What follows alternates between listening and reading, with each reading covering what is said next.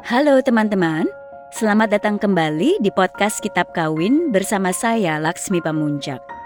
Sekarang saya ingin mengajak teman-teman mendengar pendapat narasumber kita yang terakhir dalam episode ini, Mbak Pujiatitan, tentang pentingnya melek seksualitas, intoleransi terhadap kaum LGBTQIA+, dan perangkat hukum yang mesti diperjuangkan dalam melindungi hak kaum minoritas.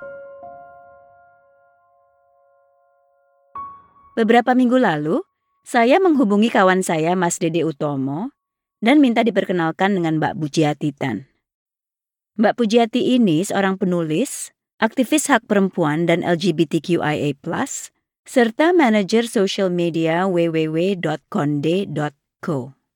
Saya senang sekali Mbak Pujiati bersedia meluangkan waktu berbagi dengan kita semua.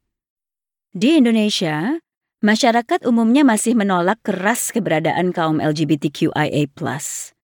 Dari kasus-kasus yang diberitakan di media seperti hukum cambuk pasangan gay di Aceh pada 2017, kasus pernikahan gay di Bali pada 2015, penggerebekan pesta gay di Jakarta pada 2020, sampai skenario-skenario kehidupan yang kita hadapi sehari-hari, jelas bahwa kaum LGBTQIA+ dan mereka yang menyuarakan hak-hak mendasar mereka sebagai hak asasi warga atau manusia, sering kali dianggap perusak agama dan moralitas bangsa.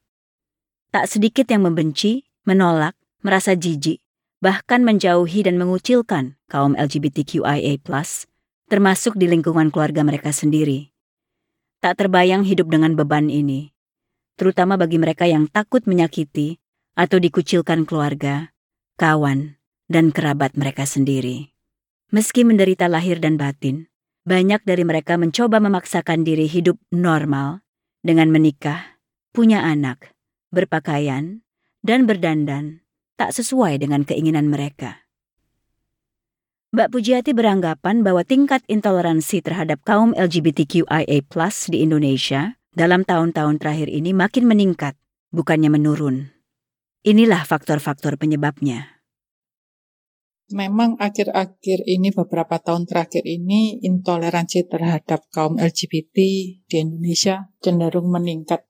Mungkin karena faktor dari meningkatnya uh, agama, khususnya yang aliran-aliran keras, dan juga ada kecenderungan untuk menggoreng isu ya. Jadi ketika pengalian isu gitu, sehingga isu LGBT ini dianggap paling mengenah untuk dieksploitasi. Selain itu juga media mempunyai kecenderungan untuk um, mempublikasikan hanya untuk mendapatkan rating ya, sehingga dengan pemberitaan yang heboh terus dikembangkan yang sedemikian rupa sehingga akhirnya mendapatkan uh, kenaikan berita gitu ya.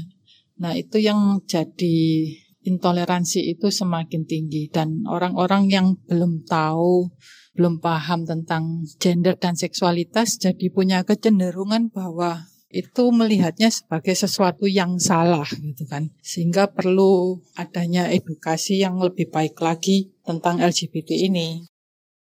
Dalam simpang siur informasi seputar homoseksualitas, ditambah nilai-nilai konservatif yang masih dominan di Indonesia, perlu adanya panduan yang jelas lugas, jujur, mencerahkan, tanpa mengintimidasi tentang keragaman seksualitas, terutama untuk orang tua, pendidik, dan anak-anak. Itulah sebabnya Mbak Pujiati menulis buku Orientasi Seksual Remaja Putri. Uh, memang saya pernah menulis uh, mengenal perbedaan orientasi seksual remaja putri. Jadi tulisan saya itu tentang apa ya? Permulaannya itu saya mengadakan survei kepada para orang tua dengan e, membuat sebuah cerita seandainya mereka mempunyai anak uh, lesbian itu apa yang dilakukan dan bagaimana reaksinya. Ketika menyebarkan survei itu banyak orang itu yang takut untuk mengisi ketika membaca pertanyaannya. Terus ada juga beberapa itu yang menjawab seperti uh, ketika tahu anaknya lesbian mereka akan ada yang melaporkan ke polisi, ada yang melaporkan ke ustadz untuk dirukia atau ke pendeta, ke romo dan sebagainya itu.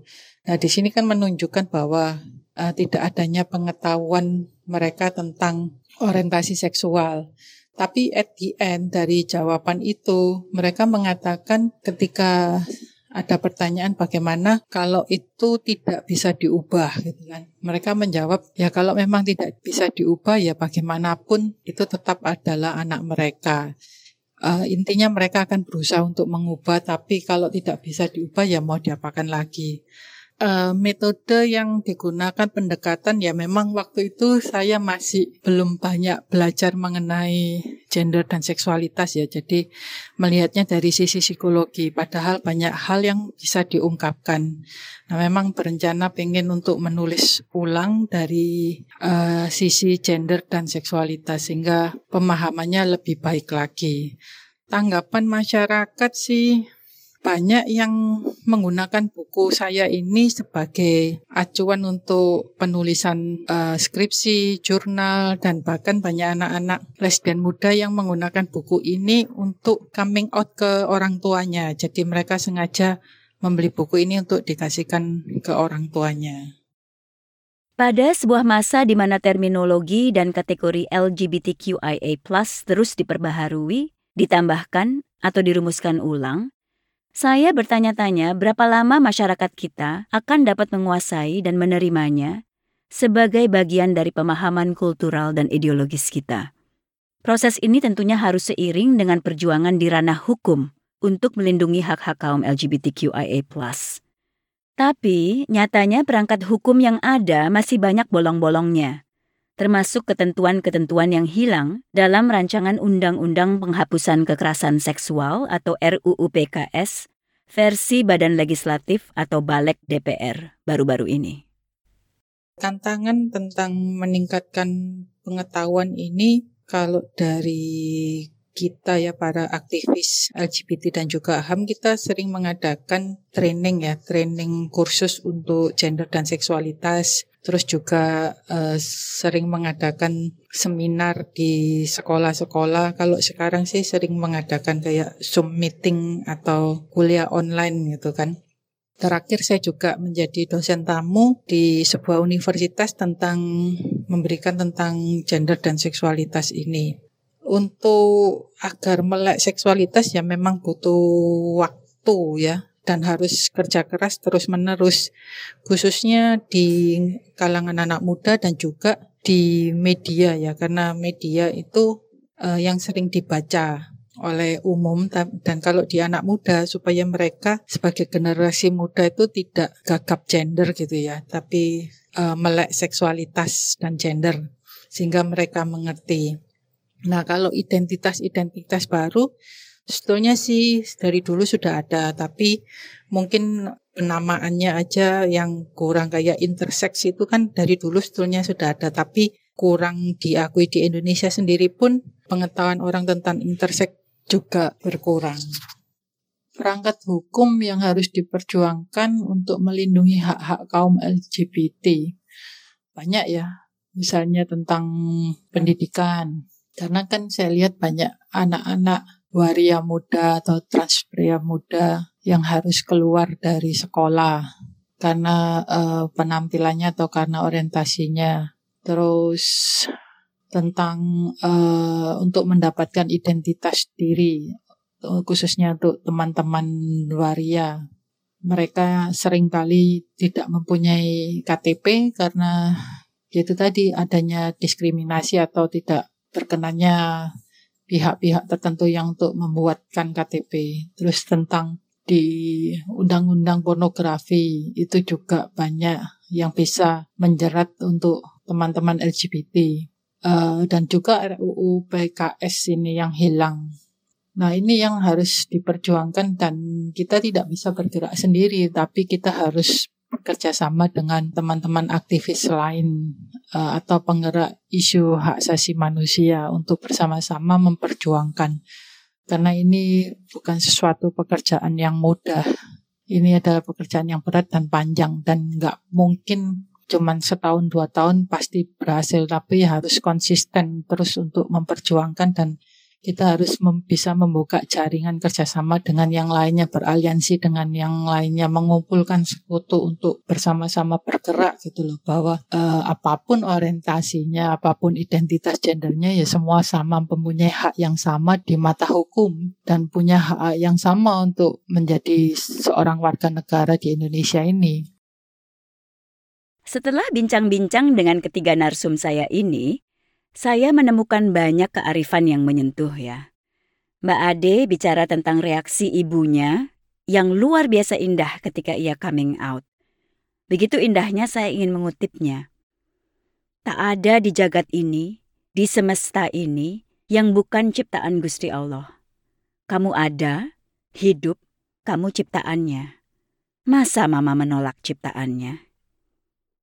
Mau tak mau saya mengaitkan ekspresi cinta ibu Mbak Ade ini dengan kesaksian Mbak Nino sebagai psikolog. Bagaimana unconditional love orang tua sangat penting bagi kebahagiaan si insan manusia ini. Bisa jadi, cinta orang tua ini juga memengaruhi proses self-acceptance anaknya. Apalagi ketika coming out itu merupakan sebuah proses yang hanya bisa terjadi setelah kita bisa jujur dan menerima diri sendiri. Dan cinta dan penerimaan, seperti kata Mbak Ade, bisa datang dari mana saja. Orang-orang lain yang memang tulus menerima kita apa adanya pun adalah keluarga. Sebab keluarga tak selalu ditentukan oleh hubungan darah. Saat ini, kita boleh sedikit berharap pada Gen Z atau generasi yang lahir setelah 1996. Menghargai hak asasi manusia dan keragaman, termasuk keragaman seksual, adalah tonggak penting dalam sensibilitas mereka. Dan ini didukung oleh dunia digital atau dunia maya yang memberi lebih banyak ruang atau platform untuk menyuarakan keragaman itu. Tapi seperti diakui ketiga narasumber saya, penolakan terhadap kaum LGBTQIA+ akan selalu ada di Indonesia sebab akarnya begitu kokoh. Maka pendidikan seks sangat penting untuk digalakan terus-menerus dan bentuknya bisa macam-macam.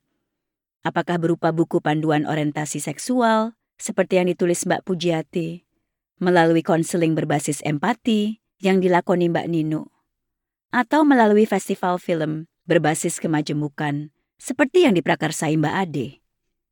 Apalagi saat intoleransi terhadap kaum LGBTQIA+ semakin meningkat gara-gara pemberitaan media yang cenderung mengejar sensasi dan juga karena isu LGBTQIA+ ini dianggap isu paling rentan dieksploitasi secara politis, terutama oleh pihak-pihak yang berkepentingan untuk menjadikan kita tetap konservatif. Tapi ini bukan berarti upaya-upaya kecil kita bebas dari komplikasi, sebab kadang malah bisa jadi bumerang bagi mereka yang ingin dicerahkan. Mengisi survei malah bisa dilaporkan ke polisi atau ke ustadz atau ke pendeta. Tapi krisis kemanusiaan yang kita hadapi ketika seorang waria remaja bisa dikeluarkan dari sekolah karena penampilannya atau tidak mendapat KTP, ini semua lebih parah ketimbang kita tidak melakukan apa-apa karena takut salah kaprah. Nah, teman-teman, semoga episode ini sedikit banyak menyumbang pencerahan dalam perjuangan kita melawan intoleransi, dan semoga kita semakin atentif terhadap teman, adik, kakak, saudara, kolega di sekitar kita. Dan selalu ingat bahwa keragaman itu dimulai dari diri kita sendiri. Saya Laksmi Pamuncak, host dari podcast Kitab Kawin. Terima kasih telah mendengarkan episode ini. Jika tertarik membaca kumpulan cerita yang mengilhami podcast ini, buku Kitab Kawin, baik edisi khusus Hari Perempuan Sedunia maupun edisi reguler dengan sampul baru, bisa dibeli di toko buku Gramedia dan Aksara Corner di toko Dia Logue. Bagi yang ingin membeli online, sila berkunjung ke gramedia.com Gramedia Official Shop Shopee, Gramedia Official Store Tokopedia, dan Gramedia Pustaka Utama Official Shop Shopee. Jangan lupa, edisi sampul baru Kitab Kawin hadir dengan bonus satu cerita baru. Jika tertarik mendengar kisah berikutnya, jangan lupa follow podcast Kitab Kawin di Spotify, Dan podcast ini juga bisa diakses di akun Instagram saya, at akun Instagram Potluck, at Potluck Podcast, serta akun Gramedia Pustaka Utama, at Buku GPU. Sampai jumpa di episode berikutnya.